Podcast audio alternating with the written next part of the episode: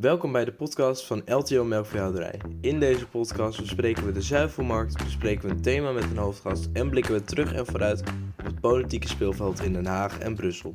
Beste luisteraar, welkom weer bij onze LTO-podcast. Ik ben Wilke Brouwer de Koning en vandaag ben ik weer samen met mijn co-host Pauline. Ja, goedemorgen Wilco. Nou, het Sinterklaasfeest is weer geweest, maar wij zetten ons podcastfeestje gewoon nog even door. Want um, ja, de laatste maand is ingegaan van uh, 2023 en we hebben gewoon nog twee afleveringen in petto voor dit jaar. En we hebben natuurlijk ook al superleuke plannen gemaakt voor 2024. Ja, Pauline, de tijd gaat wel hard zo. En uh, ook deze aflevering belooft weer wat moois te worden. We gaan namelijk in gesprek met Guus van Russel, directeur Business Development bij Lely, over wat kan die innovatie nou allemaal op het boerenerf helpen. En uh, waar ik ook wel benieuwd naar ben als uh, melkveehouder, kan ik hem überhaupt straks nog wel betalen, die innovatie? Maar natuurlijk beginnen we eerst met Klaas-Johan. Klaas-Johan, hoe staat de zuivelmarkt ervoor? Um, Friesland Campina heeft toch uh, ja, vorige week vriend en vijand verrast met een melkstijging van meer dan 4 cent. Zo had jij die zien aankomen? Ja, het was wel best wel een behoorlijke stijging. Ehm, het, het marktsentiment is uh, nog steeds uh, positief, hè? maar ja, 4 cent erbij. Ik kan alleen maar concluderen dat de strijd om de melk volop gaande is. Want EUR volgde Friesland Campina volgens mij in die verhoging. anderen blijven achter. maar we zien natuurlijk om ons heen met alle, alle beleidsontwikkelingen dat ja, de melkaanvoer in, uh, in Nederland en in Europa uh, uh, neemt niet toe. Hè? En ja, nou ja, dat is op zich denk ik voor de melkveehouder positief dat het misschien toch wel gestreden wordt om de melk.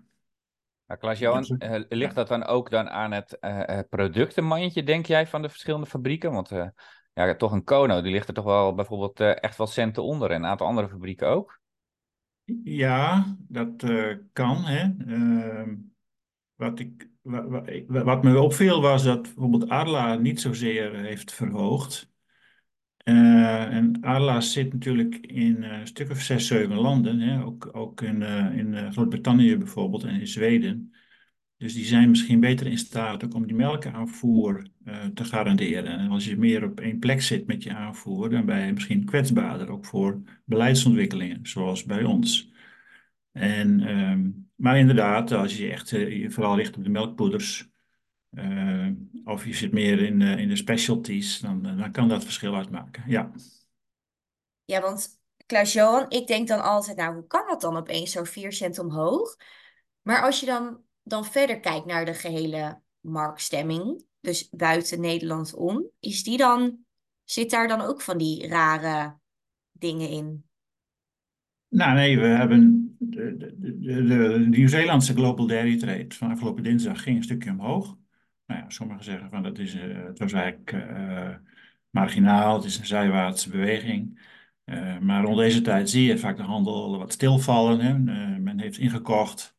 men kijkt vooruit alweer naar januari, februari. En ja, dan, dan duidt dit toch op vastigheid in die, in die internationale markt. En ehm, uh, in, de, in de spotprijzen zie je dat de zaak wat kalmeert, misschien wat kleine daling. Uh, kopers wachten even af. Uh, maar die plus van GDT betitel ik toch dan als, als, als positief. En dat zie je, en, en dat werkt ook door naar begin volgend jaar. Dat is toch wel een beetje het sentiment dat de markt voorlopig vast blijft. Klaas Johan, dan komen natuurlijk eh, de feestdagen eraan, natuurlijk ook een aantal weken van vakantie. Heeft zoiets nou ook nog uh, effect op de spotmarkt? Ja, nou de, de, de inkopen voor de, voor de feestdagen zijn gedaan. Uh, men ziet, je ziet de volumes wat afnemen, er, wordt zijn minder transacties. Um, ja, dan zie je dat de noteringen wat, weinig bewegen of soms wat neerwaarts gaan. En spotprijs voor oude melk rond uh, 48, maar ik zag ook ergens 45 kaas ook iets, iets lager. Uh, maar nogmaals, dat is ook gewoon de, de, de tijd van het jaar, zou ik bijna willen zeggen. Dus spelers doen het rustig aan. Maar ik hoor wel bijvoorbeeld, als, je kijkt naar mager melkpoeder, de voorraden zijn klein, men heeft niet ruim ingekocht. Er zit mogelijk een, een speculatief element zit daar aan vast. Uh, maar ik denk ook wel met de huidige melkaanvoer. Uh, we zien geen groei. We zien eerder een daling op jaarbasis in dit deel van Europa. En eigenlijk wel in heel Europa. Dan brengt dat ook wel risico's met zich mee. Maar ehm, ja, dat, eh, als, je, als je luistert naar de meeste uh, mensen die de, die de markt goed, goed volgen, zeggen ze van ja, nou ja, de komende maanden blijft die markt wel, uh, wel, wel vast. Ja, maar om deze tijd is het wat rustiger. Ja, ja en Klaas-Johan, wat betreft de melkproductie. We hebben natuurlijk uh, blauwtong gehad. Nou, het heeft al gevroren, dus we zeggen die knutten gaan allemaal weer goed. Zien we nou daar in Nederland nou nog effecten van? De, ja, nou, het is natuurlijk, die, die, de knutten zijn uh, wat, uh, die gaan in rust bij lagere temperaturen. Het aantal gevallen van blauwtong neemt af. Uh, maar dit heeft wel impact gehad. Uh, we zijn dieren kwijt. Er zijn, uh, nou, we hebben in Nederland meer dan 40.000 dieren verloren, waaronder volgens mij meer dan 5.000 koeien. Dieren die ziek zijn of waren, die verliezen melkproductie. Uit de LTO-enquête blijkt ook tussen een schatting, hè, dat krijgen we terug van de leden, tussen de 5 en 9 liter, tussen de 5 en 9 liter per, minder per dag. Ehm, en dat is volgens mij vanaf september ook al, heeft dat impact gehad. Nederland zit uh, al een aantal maanden nu te melken onder het niveau van vorig jaar. En in de landen om ons heen is dat ook het geval. Daar is blauwtong nog niet zozeer een probleem. Um, maar dat zou het volgend voorjaar wel kunnen worden. Dat zeg ik ook tegen collega's in Brussel. Um, het kan best zijn dat het zich al schuilhoudt in Duitsland, in Vlaanderen. En ook in Engeland zijn er nu weer nieuwe gevallen in Kent. En dat het volgend jaar dan ja, keihard terugkomt. En, uh, en dat een explosie leidt van ziektegevallen. Dus dat is een, uh, een, ja, denk ik ook wel spelers in de zuivelmarkt. Uh, toch goed om in de gaten te houden, denk ik. Um, ja. Klaas Johan, nou, waar, nou waren wij alle twee afgelopen dagen natuurlijk in Brussel. En uh, ging het echt over de outlook ook voor, voor uh, middellang en lange termijn. Uh, kan je daar nog iets over vertellen? Ja, nou, we, we waren inderdaad daar, Wilco. Gezellig en volle zaal en veel hortemetoten. maar er wordt ook altijd gepraat over de markt, ook over de zuivelmarkt. men heeft altijd daar prognoses voor de komende tien jaar. In dit geval gingen ze al tot 2035. Nou, wat dan voor zuivel wel opviel, uh, ziet de commissie toch voor, uh, voor uh, kaas, kaasconsumptie een groeiende markt. even twee cijfers. In 2023 zitten we in de EU op gemiddeld per persoon aan kaas 77 kilo per jaar. En in 2035 schat de commissie in, dan gaat dat groeien naar 80 kilo per jaar. Dus een groei van toch zo'n 4, 5 procent. Dus vers zuivel staat wel iets onder druk, maar ja, voor de kaasmarkt toch uh, positief, uh, een positieve outlook, om het zo maar eens te zeggen. Dus um, kaas moeten doen, zeg ik. Ja. Ja, wat je zag, hè, uh, voor die outlook zag je eigenlijk op alle producten dat, we, dat de verwachting is dat Europa minder gaat exporteren, eigenlijk. op al die producten. En dat we eigenlijk de productie wel iets daalt en dat dat, dat eigenlijk afgaat van de export, volgens mij. En dan nou ja, dat is echt een lange termijn uh, visie. Maar je zou eigenlijk wereldwijd wel, hè, dat die vraag naar kaas voornamelijk, uh, dat blijft groeien. Ook in Amerika, voornamelijk op de pizza's. Maar ook, uh, ja, dus ook wel in Europa. Dus ik ben wel benieuwd wat dat ja. gaat betekenen. Ja. ja ik als, ik, als ik nog iets moet zeggen, kijk, Wageningen heeft daar een heel verhaal over van de, wel, van de week. Roel Jongeneel. ja, de Green Deal heeft effect op productie. als wij minder gaan produceren, dan gaan we dus inderdaad ook minder exporteren. Uh, maar dat, ja, dan gaan, het, zal, het eten zal hier ook iets duurder worden in Europa. Dus heeft ook consequenties voor de consument. En wat natuurlijk de vraag is van ja, Noord-Amerika met name, hebben ze dat te maken met dezelfde uh, eisen aan milieu en, en dierenwelzijn en, en, klimaat? En gaan die dan ons meer dwars zitten uh, op onze thuismarkten? Het is een, zuivelmarkt is wel een wereldmarkt. Hè. We, de grenzen gaan niet dicht.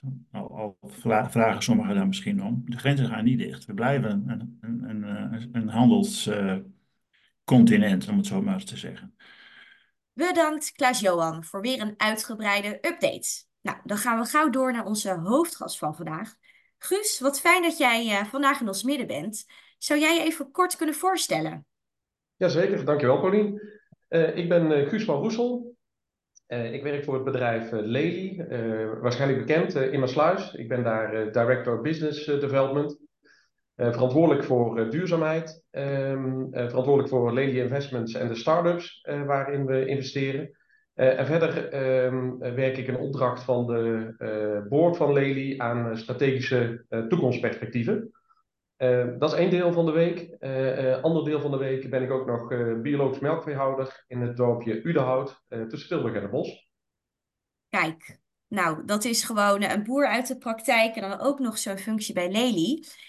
Hey Gus, um, Lely heeft laatst haar 25 jaar jarig bestaan gevierd. Nou, en daarbij is er ook een visie gepresenteerd, dus ik dat goed heb begrepen, begrepen. Farm of the Future. En kun je daar nou iets meer over vertellen, over zo'n visie? We hebben natuurlijk wel vaker visies. LTO heeft ook altijd een toekomstvisie. Wat is deze visie nou anders? Um, uh, uh, ja, daar kan ik zeker iets van uh, vertellen. We zijn overigens 75 geworden, dus we hebben iets meer grijze haren dan, dan, dan jij dacht. Ehm, in 1947, 48 oh, ja. is het bedrijf ontstaan hier in Maasluis. En, um, weet dat, dat is meteen ook wel een goede brug naar wat we uh, in die visie hebben gepresenteerd. Want de familie van der Lely is zelf begonnen als uh, boer, er waren generaties boer. En die zijn op dat moment aan de slag gegaan met de problemen waar de sector tegenaan liep, om daar slimmere oplossingen voor te bedenken. En ik moet eerlijk zeggen dat dat nog steeds zeg maar, binnen het bedrijf, ondanks dat het ondertussen heel anders is geworden, nog steeds wel rondwaart. Dus we zijn ook oprecht trots zeg maar, op die historie en uh, wat we daarin uh, bereikt uh, hebben. nou, weet dat, veel mensen kennen die lelijke producten, dus ik ga ze hier niet herhalen. Maar wat we ons in de aanloop zeg maar, naar, naar die 75 jaar ook wel een beetje gerealiseerd hebben, is dat we niet alles in het verleden mogelijk op de juiste manier gewogen hebben. en dat is zeker niet omdat we weet dat, niet trots zijn, wat ik net zei, op dingen die we uitgevonden hebben. Uh, maar met de kennis van nu, zoals het dan zo mooi heet, uh, weet dat, zouden we misschien wat accenten anders hebben gezet. Nou, dat is een van de aanleidingen geweest om vooruit te kijken naar 75 jaar. Ehm, om te komen tot een visie die we op hebben geschreven. En die visie bestaat eigenlijk uit vijf impactgebieden. Ehm, een van die impactgebieden is dierwelzijn. het tweede impact is de invloed van de melkveebedrijf op haar omgeving. Eh, het derde impactgebied is de kwaliteit, samenstelling en de manier waarop we melk consumeren. Ehm, eh, het vierde impactgebied is de samenwerking tussen boeren en de wereld om hen heen. Uh, noem het de boer-burger ehm, relatie, de agrarische sector en de samenleving. En als laatste, een van de belangrijkste punten, ook voor mij, zeker omdat ik zelf ook melkveehouder ben, is uh, hoe kunnen we ervoor zorgen dat uh, boeren uh, ook in de komende generaties boer kunnen blijven. Dus hoe kijken we naar thema's als opvolging, het verdienpotentieel van boeren enzovoort. Dus die vijf impactgebieden samen ehm, vormen eigenlijk de bouwstenen zeg maar, voor de visie en de toekomstige ontwikkeling en toekomstige innovaties die we als Lely gaan doen. Guus, nou uh, deed je in je intro eigenlijk al, uh, vertelde je van, nou hè, we hebben een toekomstvisie uh, gemaakt, want als we terugkijken, dan hadden we misschien toch dingen anders moeten doen. Heb je daar bijvoorbeeld een voorbeeld van, wat je, als je nu terugkijkt, wat je als Lely anders zou had willen doen? Nou, weet dat, ik denk dat het ook Lely is. het voelt heel erg als een gezamenlijke verantwoordelijkheid in die zin. En een voorbeeld daaraan gekoppeld is een lichtboxstal is uiteindelijk eh, in onze ogen zeg maar, meer ontwikkeld voor de boer uh, dan voor de koe. Uh, als je het een koe zou vragen, om het maar een beetje flauw te zeggen, komt ze niet met beton en met lichtboxen om te komen tot een, tot een ideale omgeving om in te wonen. Is het daarmee allemaal slecht? Nee, zeker niet. Want er zijn hele comfortabele lichtboxen te bedenken. Koeien worden daarop aangepast. Dat is een van die voorbeelden waarvan we zeggen: is het per se slecht wat we nu doen? Nee. Kan het beter? Absoluut. En voelen wij daar verantwoordelijkheid in om daarmee aan de slag te gaan? Uh, ja. Maar zeg je dan daarmee dus ook dat, dat een Lely-sfeer, hè, die eigenlijk toch wel gemaakt is voor die lichtboxenstal, eigenlijk maar een tussenoplossing is naar een toekomstig ander stalconcept? Ik denk dat alles een tussenoplossing is. We zijn volgens mij als sector uh, uh, zo goed als dat we nu zijn, omdat we ons steeds weten aan te passen aan de, aan de veranderende omstandigheden. Um, ik zie daarin ook de Lely-sfeer. Ehm, dat hij op dit moment ruimte kan creëren in een discussie die breder is, namelijk van wat is de rol van de melkveehouderij in de samenleving. En ook van dingen die ehm, op dit moment, stikstof, ehm, ammoniak, ehm, waar we mogelijk te veel van hebben. Dus het is voor mij een innovatie, zeg maar, die ruimte creëert voor de toekomstige melkveehouderij. Ja, Guus, als we dan toch even ingaan op die Lely-sfeer. Ik vind het soms wel grappig hoe Lely toch breed het voor elkaar heeft gekregen dat zowel Kamerleden als nou ja, andere mensen, zeg maar, dat, dat we toch vaak of in podcast of in de Kamer of een minister het dan over de Lely-sfeer hebben. Nou, nou weten we allemaal volgens mij wel een, een beetje wat, wat de Lely-sfeer is. Maar nou zat ik me laatst nog te bedenken. Ik dacht, ja, het is echt een soort toverwoord geworden. Maar in hoeverre ja, weten we nu al, al wat dat gaat doen en wordt het al gebruikt en hebben we al, zien we al cijfers en resultaten? Ik dacht, nou, dat als jij vandaag bij mij in de podcast bent, dan moet ik dat toch echt eens even gaan vragen. Ja, en, ehm, ja, nou, dankjewel. Uh, want uh, we hebben daar hard aan uh, gewerkt. Ehm, ik zou willen zeggen voor de hele sector. dat er een oplossing is om weg te blijven, zeg maar, van alleen het reduceren woord. maar dat met innovatie er ook ruimte gecreëerd kan worden. eigenlijk ook een beetje een antwoord op de vraag die Wilco net stelde. Is het een toverstafje voor alle problemen de melkveehouderij? Nee, ook niet. maar wij denken wel dat het echt een hele goede bijdrage kan leveren om ruimte te creëren voor de toekomst. Um, is die geïnstalleerd? Ja. We hebben sowieso in de aanloop, zeg maar, uh, na de introductie, werken we altijd samen met testbedrijven. Eh, waarin we ook zelf metingen gaan doen over wat de Lelysfeer dan precies doet. En even voor degenen die het niet zo goed weten, de Lelysfeer zorgt er eigenlijk voor dat de ammoniak die ontstaat op het moment dat urine en mes bij elkaar komen, dat die door een systeem worden gezogen, wat ervoor zorgt dat die ammoniak wordt opgevangen, zodat je dat separaat op een andere manier kunt toepassen. Um, dus in die testfase zeg maar, werken wij altijd met veel boeren samen, gewoon praktijksituaties, om te kijken wat het doet. En op het moment dat we vertrouwen hebben in onze oplossingen, want die innoveren ook na de eerste basistekening altijd door. Als we vertrouwen hebben in de cijfers, dan komen ook de officiële instanties komen om de hoek kijken om die metingen van ons over te nemen. En om te kijken dat wat wij beloven ook werkelijkheid is. Nou, dat hebben we de laatste periode doorlopen. Die resultaten zijn heel erg gunstig gebleken. En wordt dat in die zin ook gevalideerd door het ministerie via een RAF-toekenning. Om ehm, ook op deze manier zeg maar, toegepast te worden in, in de melkveehouderij. En Guus, als je kijkt natuurlijk naar het verleden, hè, dan hebben we de RAF-systematiek was natuurlijk heel erg op, op, op metingen gebaseerd in een aantal proefstallen. Ja. Uh, is de Lelysfeer dan ook straks zover dat je zegt van nou met data en sensors kan ik hem ook op een andere manier uh, real-time geborgd krijgen? Ja, dat is wel een wens zeg maar, die wij veel horen. Um, om zeg maar, dagelijks die data ehm, toe te zenden. Um, daar zijn we nog over in gesprek. Niet dat we bang zijn om die data te delen. maar is het per se nodig, zeg maar, en is het ook logisch? Creëren we daarmee niet een schijnveiligheid? Want je kunt het gewoon zien aan het spuiwater wat je opvangt. Dat, dat, dat moet toegepast worden, dat valt gewoon binnen je mestbalans. Uh, dus dat is eigenlijk al daarin uh, zeg maar een soort van uh, borging van de meting. Ehm, we zijn verder nog in gesprek wat het dan verder nog toevoegt om elke dag die data die kant op te sturen. Het voelt dan een beetje zeg maar, als, het, als het dubbel vaststellen van dezelfde cijfers. Hey, dan, eh, meteen, die data is meteen misschien wel een, een mooi bruggetje, hè, wat je toch ook wel vaak hoort. Hè. Lely is natuurlijk echt een databedrijf. Mhm. En wanneer gaat die boer nou eens verdienen aan die data? Uh, ja. Kun je daar eens op reageren? Kan ik zeker op reageren. Eh, wat het lastiger maakt in die discussie, eh, want ons standpunt is, de, de boer is eigenaar van de data. Um, punt. Dus als jij niet wil dat wij daar iets mee doen, um, mag dat. Dan doen we daar dus ook niks mee. Het lastige daaraan is, is dat de data van één boer uh, voor ons ook geen waarde heeft. Uh, dus de data van heel veel boeren zorgt ervoor dat, dat we onze machines beter maken, dat de, de robots beter aansluiten, dat we dus kunnen bewijzen dat er zoveel ammoniak wordt afgevangen.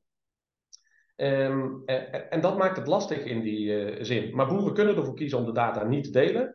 even goede vrienden, blijf vooral van onze producten gebruik maken als je geen data wilt delen. Um, maar als je wel data deelt, um, ja, eh, dat maak je ook meer gebruik van de vooruitgang die die groep aan data voor ons oplevert. Gaat dat uiteindelijk geld opleveren? Ik zou zeggen veel indirecter, uh, doordat de kwaliteit van de robot verbetert, doordat de kwaliteit van de discovery verbetert enzovoort. Hey, en Guus, nou zijn we straks Nou, het is nu nog 2023, bijna 2024. Nou is het tussen 2035, 2040. Dan kijken we terug naar Lely. Is dan Lely de Tesla in de automatisering en heeft hij de andere trekkerfabrikanten van de markt gedrukt met automatische en elektrische robots op het land ook? Weet ik niet. natuurlijk gaan we daar ons best voor doen. Maar ik zou eigenlijk nog, uh, weet dat Tesla niet als. ik denk dat Tesla de agrarische sector als voorbeeld heeft.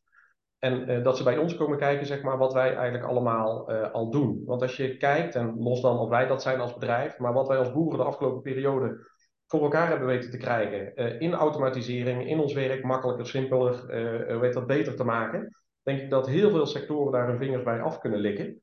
En ik vind het eigenlijk een beetje zonde, zeg maar, dat we steeds in de hoek zitten van de, van de, weet dat, van de, van de stikstofdiscussie. Um, ik denk dat we ook die trots uh, moeten uitstralen naar de rest van de wereld. We maken namelijk een fantastisch uh, product. Dat doen we onder de best mogelijke omstandigheden. Met steeds meer automatisering. Als ik burgers op mijn bedrijf heb, dan vallen de schellen van hun ogen. Uh, als ze zien zeg maar, wat er op een melkveebedrijf allemaal gebeurt en op welke facetten dat we inspelen. Waar we niet zo goed in zijn, is die boodschap goed te laten landen. Waar we niet zo goed in zijn, is de echte waarde van melk en als voedselpatroon uh, dat goed kenbaar eh, te maken. Waar we niet zo goed in zijn, is geld verdienen aan al het geld, aan alle inspanningen die we doen. En daar kunnen we naar de wereld om ons heen wijzen. Maar ik denk ook dat we daar als agrarische sector zelf de handschoen kunnen oppakken, of beter, nog beter kunnen oppakken. Door het goed te laten zien, ehm, door mensen uit te nodigen op je bedrijf. En te laten zien uh, dat Tesla bij ons komt kijken, in plaats van dat uh, uh, wij Tesla als voorbeeld eh, moeten nemen. Gaan we nog verdere robotisering krijgen op het veld? gaan we nog verdere robotisering krijgen van repeterende taken op een melkveebedrijf? 100%. Ja, want Guus, wat ik toch wel bijzonder vind, hè, als ik denk aan mijn opa, die, um, die, die nou hoeveel koeien molken die? Echt, nou misschien 20, 30 of zo. Die zat nog op zijn krukje met zijn vaders morgens uh, een koe te melken. Nou, in de oorlogstijd was dat helemaal, uh, nou, heb ik daar wel bijzondere verhalen over gehoord. En als ik dan nu hè, bij een boer binnenkom en er staat zo'n robot, dan denk ik, zeg, jeetje zeg, weet je, wat, wat is er in die afgelopen tijd gewoon allemaal veranderd? En soms denk ik wel eens, ja, die automatisering, hoe ver kunnen we nog gaan? En ook, um, nou ja, als je kijkt echt naar het, het vak van de boer, dan ben je tegenwoordig ook bijna een soort halve werktuigbouwkundige. Als er iets stuk gaat of je krijgt een melding op je telefoon van de leliefactor, dan moet je weer heen. En ja, ik zat zo eens te filosoferen met mezelf van ja, hoe, hoe ver gaan we dan? En welke uitdagingen er zijn er nog? Maar hoe blijven we nou wel op het boerenbedrijf um, ook wel een beetje, ja, hoe zeg ik dat nou goed, dat vakmanschap nou wel behouden? Hoe blijf je als boer nou wel gewoon boer met al die automatisering om je heen? Ja, Um, ik, eh, weet dat, ik, uh, als mensen mij niet kennen, dan zeg ik soms wel eens dat ik een directeur ben van een bedrijf met 120 medewerkers. Namelijk mijn 120 koeien, die de hele dag hard, hard aan het werk zijn om voor mij en mijn gezin en mijn familieleden een inkomen te, te, genereren. En als je het zo positioneert, dan is automatisering helemaal niet zo'n gek woord. Um, dus ik vind ook dat we gewoon super trots moeten zijn over wat we wel hebben weten te bereiken. Want uh, je, zegt, je zegt zelf ook al, de omstandigheden in of net na de Tweede Wereldoorlog, die waren helemaal niet zo geweldig om uh, koeienboer te zijn. Inderdaad, op een krukje onder de koeien in weer, wind en regen. En we zijn er gelukkig in geslaagd om daar wat normalere, en nog steeds niet normaal, maar wat normalere arbeidsomstandigheden van te maken. Dat een boer niet op zijn 35ste per se al versleten is met schouders, rug en knieën. Dus ik denk dat we heel trots op moeten zijn dat we dat hebben gedaan. Weet dat, uh, uh, dat we ons vakmanschap in de benen moeten houden, dat is denk ik een oproep naar ons als lady, maar ook naar iedereen. Maar de realiteit is ook dat er steeds minder mensen boer worden, dat er steeds minder mensen boer zijn. En dat het overdragen van, van wat we nu als vakmanschap zien ook steeds lastiger wordt. Het groepje wordt kleiner.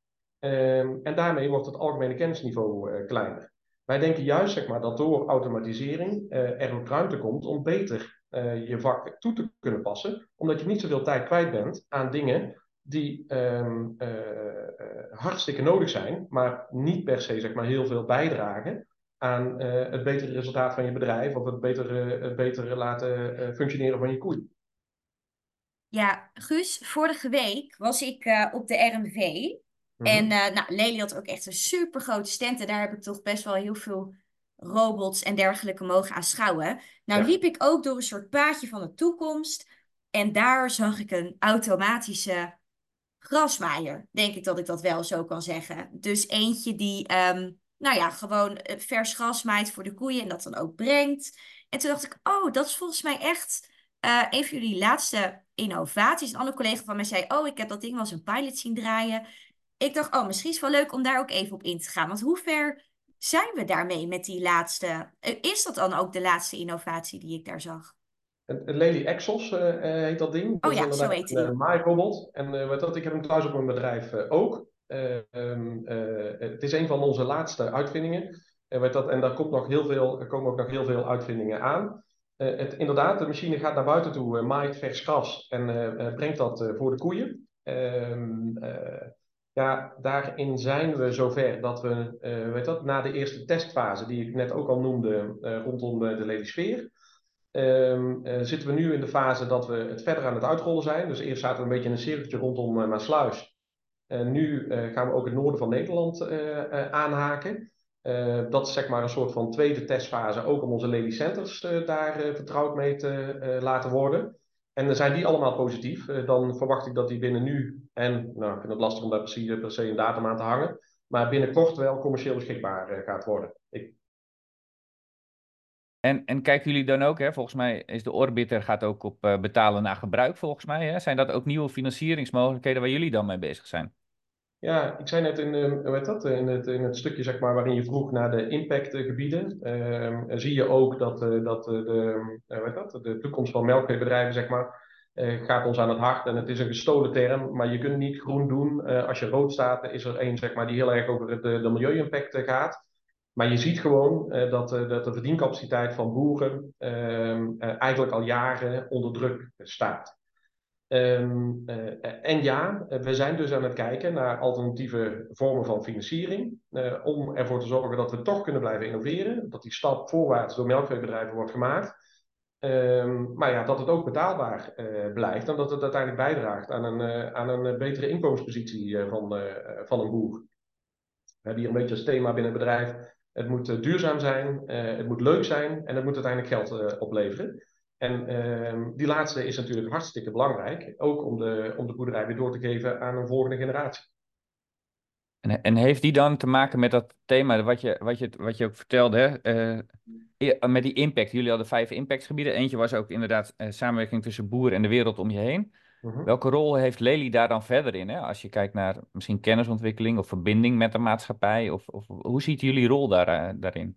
Ja, hij is, hij is divers, uh, zie ik. Want uh, van de ene kant zeg maar, vraagt bijvoorbeeld de, de zuivelindustrie om steeds meer informatie die nodig is zeg maar, om melk te leveren. Denk aan de CO2-impact van, van een liter melk bijvoorbeeld. Maar ook de maatschappij zeg maar, vraagt om informatie. Hoe ben je met die koe omgegaan? Is die koe gelukkig in de omstandigheden waarin ze leeft? Dus dat is de ene kant van het verhaal, wat meer technische aanpak, denk ik, van informatie um, die we moeten delen met onze Be Good and Tell It. Uh, we zijn goed en durf dat dus ook te vertellen. En daarmee benoem je dus ook sommige dingen die beter kunnen. Um, um, maar zeer zeker ook in de vorm van open dagen, hoe heet dat, onze website. Daar kun je bijvoorbeeld spreekbeurten downloaden. je kunt, maar goed, je vraagt me op dit onderwerp vrij snel vast. Ik geloof dat je ook tekeningen kunt downloaden, waar die kinderen kunnen inkleuren. Uh, we organiseren bijeenkomsten zeg maar, voor onze medewerkers. We organiseren uh, dat, open dagen bij boerderijen via onze Lely Centers. Dus we, we doen eigenlijk al best veel, uh, vinden wij. En toch is het te weinig. En zullen we ook de komende perio periode, behalve dan die technische invulling, ook op dat vlak nog stappen verder moeten gaan zetten.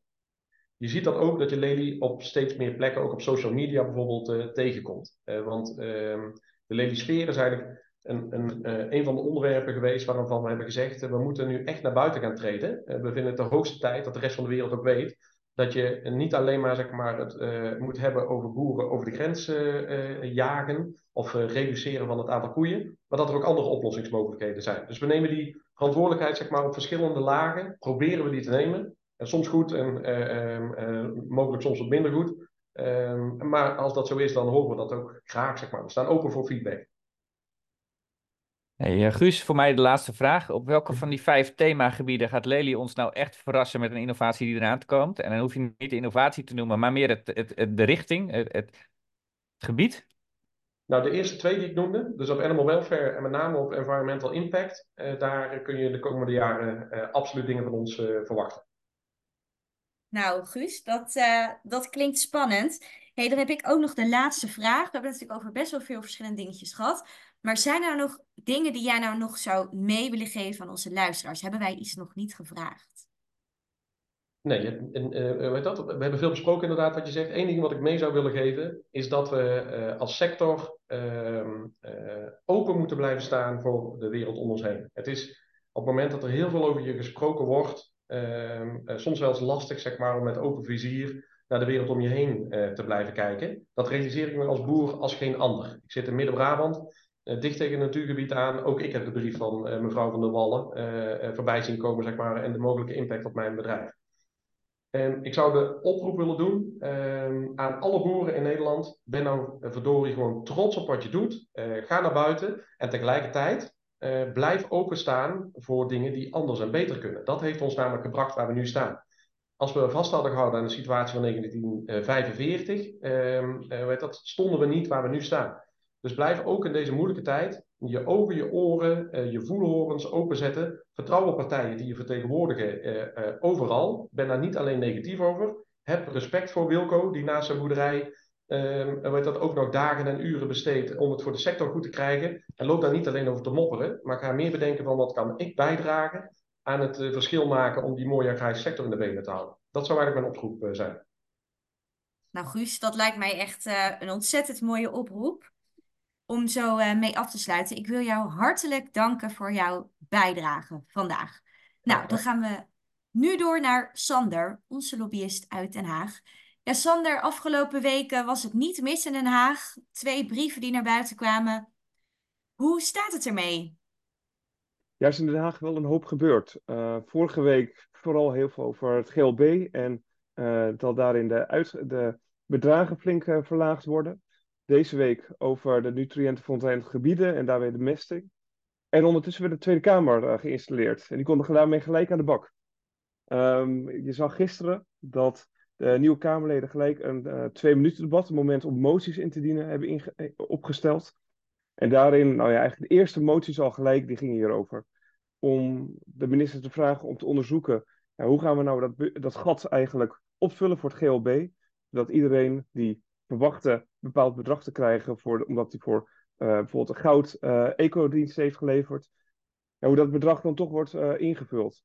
Nou, het aardige is om daarover te vermelden dat daarin de minister zegt van ja, momenteel kan niet. Daarvoor moet ik naar Brussel. Nou, da daar gaat het hele debat ook over. De, welke opdracht krijgt de minister om naar Brussel te gaan? en daarin heeft hij toch echt duidelijk de opdracht gekregen. Ga onderzoeken wat mogelijk is. En dat moet hij dan binnen een maand op rapporteren, zodat ze nou, volgende maand, in nieuw, begin van het nieuwe jaar, spreekt de Tweede Kamer over de begroting van de LNV. En dan gaan ze bepalen wat nou de bijdrage wordt aanvullend op dit GLB. Want er zit nu een gat in van, nou, schattingen lopen een beetje uiteen tussen de 50 en 70 miljoen. Ja, dat is al een flink gat. En dat zal niet zo snel binnen de begroting van LNV kunnen oplossen. Dus nu is de vraag van, ja, hoeveel ruimte geeft Brussel om binnen de staatssteunregels om uh, het bedrag aan te vullen met bijvoorbeeld extra geld uit van financiën. Ja, en Sander, dat is natuurlijk best wel een beetje koffiedik kijken. Maar 50 à 70 miljoen, denk je dat Brussel um, Nederland daarin dan iets gunt, een beetje ruimte? Ja, dat ligt eraan. Um, de boeren die hebben natuurlijk gewoon gedaan wat de overheid wil, namelijk zorgen voor vergroening. En daarin werd een bedrag ten, uh, tegenover gezet. Een bedrag wat veelwel, nou in ieder geval kostendekkend is, misschien een klein plusje. Soms leg je er ook wat op toe. En daarvan, eh, eh, ja, dan kan je niet aan het einde van het jaar zeggen: sorry, maar we betalen maar drie kwart van dat bedrag uit. Ja, ja, dat is ook een beetje gek. Als je een aannemer inhuurt, dan gaat hij ook niet, uh, ga je ook niet aan het einde zeggen van uh, ik geef je maar drie kwart van uh, wat je voor aanvankelijk hebt vergroot. Dus dat is een beetje gek. En de vraag is natuurlijk van wil de Europese Unie dit? Ehm, hoeveel willen ze doen voor vergroening? En ook wat voor ruimte geeft de Kamer hiervoor? Ja, ja, ik ben, uh, ben zeer benieuwd. Het was natuurlijk niet niks toen dat nieuws naar buiten kwam. Sander, nou was ik afgelopen dagen in Brussel en heb ik ook wat mensen wel van de Europese Commissie gesproken. Hè? En het is wel interessant om dan te horen hoe verschillende mensen toch verschillende meningen hebben, ook over het uh, lagere budget, uh, GLB-budget. Zegt de een van, ja, weet je, als de belangen van Nederland en de Europese Commissie toch hetzelfde zijn, en dat is eigenlijk meer ecosysteemdiensten, het verduurzamen van de agrarische sector. op deze vlakken qua ecoregelingen, dan moet dat geld gewoon niet zo'n probleem hoeven te zijn. Terwijl een andere dan zegt, ja, is ook, ook gewoon een beetje marktwerking. Als het tekort geld is, dan heeft Nederland gewoon te veel betaald. Ik begreep ook dat bijvoorbeeld uh, Duitsland heeft de bedragen zo laag ingezet dat er weer heel veel geld blijft liggen. En dus die hebben weer een probleem met de Europese Commissie dat ze eigenlijk te weinig hebben betaald. Dus je ziet wel Europees breed dat er hele grote verschillen zitten. Um, maar als ik kijk naar Nederland, hè, denk jij dat de Tweede Kamer wel gewoon die 50 tot 70 miljoen ook beschikbaar uh, gaat stellen straks, bijvoorbeeld in een landbouwbegroting? Want uiteindelijk moet het geld, ja, het, ligt nu niet bij LNV, dus, dus de Kamer zal moeten beslissen dat het geld dan ook beschikbaar komt. Denk je dat dat wel uh, makkelijk er doorheen gaat komen? Nou, de gesprekken die we afgelopen week met Kamerleden hebben gevoerd, uh, zelfs uh, de, de, nieuwe Kamerleden, bijvoorbeeld van nieuw sociaal contract, ja, daar zie je wel dat ze zich hiervoor willen inzetten. Uh, het is een vrij breed gedeelte dat men zegt, voor, voor groening moet gewoon, en ecodiensten moeten gewoon eerlijke prijs gaan betalen. Maar tegelijkertijd, ja, die, die verschillende meningen, of de gedachten, hoe je dit kan invullen, dat zagen we ook wel weer terug in het debat van gisteren. van de VVD, Tom van Kampen, die gaf aan, wij kunnen niet gewoon de, e eh, de hectarepremie wat omlaag doen om daarmee de ecodiensten uh, aan te vullen. Ja, dat is ook een manier om er naar te kijken. En vanmiddag hebben we een werkbezoek met Tom van Kampen. Dus dan moeten we hem denk ik even meegeven dat dit toch gewoon sigaar uit eigen doos is als je het zo gaat oplossen. En dat daarmee de boer uiteindelijk onder de streep niet beter van wordt. Ja, en uiteindelijk is het natuurlijk best vreemd dat het überhaupt staatssteun is. Hè? Want je hebt van tevoren eigenlijk met de Europese Commissie afgesproken dat dit bedrag betaald zou worden voor deze eco-regelingen op deze hectares. En nou is het totale budget tekort. En dan zeg je in één keer, ja, maar als we meer budget, maar die boer krijgt niet meer, hè, als waar die gerekend mee hebben. Dus eigenlijk is het ook best vreemd dat het eigenlijk onder staatssteun valt. Als de Europese Commissie gewoon de bedragen per hectare al heeft goedgekeurd natuurlijk. Ja, zo is het. En daarmee heeft de minister denk ik wel een uh, goed gesprek te voeren in Brussel die opdracht heeft hij gisteren dus vanuit de Tweede Kamer meegekregen. En hij heeft zelf ook continu zitten herhalen dat hij eerst een gesprek wil met de sector. Nou, ik begreep dat dat inmiddels is geweest. En daarmee ook uh, met, in Brussel dit gesprek wil gaan voeren. Ja, wat eruit komt, uh, het zal denk ik niet voor de jaarwisseling tot een hogere uitkering uh, gaan leiden. Maar dan gaat hij dat waarschijnlijk herstellen aan het begin van het nieuwe jaar. Nou hadden we natuurlijk afgelopen week nog uh, twee Kamerbrieven, hè, de nutriëntvervuilde gebieden en natuurlijk uh, de, de verlaging van de plafonds. ja, die stonden natuurlijk al in de derogatiebeschikking in het zevende actieprogramma dat dat moest gaan gebeuren. Uh, zijn daar ook nog dingen over afgesproken met moties of is daar nog wel wat langsgekomen? Ja, er waren toch ook wel een aantal moties die daarover gingen. Um, vanuit de VVD kwam er onder andere een om zich in te zetten voor kunstmestvervangers. Met Renewer heet dat. Uh, dus dat je vanuit dierlijke mest kunstmest maakt. En ook een BBB-motie is aangenomen die vraagt, of die eigenlijk oproept dat uh, dierlijke mest toch echt wel te prefereren is boven kunstmest. En daarmee het belang van een mestderogatie voor Nederland. Dus je ziet wel dat men zich daarvoor wil inzetten. En tegelijkertijd uh, was ook nog een motie vanuit de BBB die vroeg een maatwerk bij de MV-gebieden. Ja, uiteindelijk die was niet aangenomen. Die zei ook van, er gaat, uh, je moet uitgaan van de actuele cijfers. En de minister heeft toch ook al aangegeven dat uh, die redelijk verwerkt waren in, de, in, de, in, de, in wat er nu voor ligt. Dus nou, die motie is niet aangenomen, maar wel andere moties die, gingen, die uitgaan van dierlijke mest is te prefereren boven kunstmest. Ja, daarmee kan de minister weer op pad. Ja, en Sander, voor de kerst komt er ook nog een groot debat aan over uh, landbouw en over natuurbeleid. Ja, dat is ook een van de eerste debatten die zijn aangevraagd. Juist doordat er zoveel brieven zijn gekomen vanuit de minister. Uh, en zoveel momenteel op elkaar zitten stapelen. Ja, de nieuwe Tweede Kamer wil daarmee gewoon gelijk een debat. En echt, uh, volgens mij was het unaniem dat hier steun voor was. Het, een voorstel van Caroline van der Plas om nog voor het kerstreces. En uh, dat is dus binnen twee weken, of binnen anderhalve week, uh, zal het debat gaan plaatsvinden over landbouwbeleid, natuurbeleid en hoe dat in elkaar samenhangt. Dus dat ja, gaan we nog zien de komende twee weken. Nou, Sander, ik zou zeggen, er is weer uh, een hoop gebeurd. als we het positief bekijken, dan heeft eh, de Kamer in ieder geval wel eh, onze aandacht. Dus dat, eh, dat is mooi. Ik zou zeggen, ik wil onze gasten van vandaag, Klaas-Johan, Guus en Sander, weer hartelijk danken.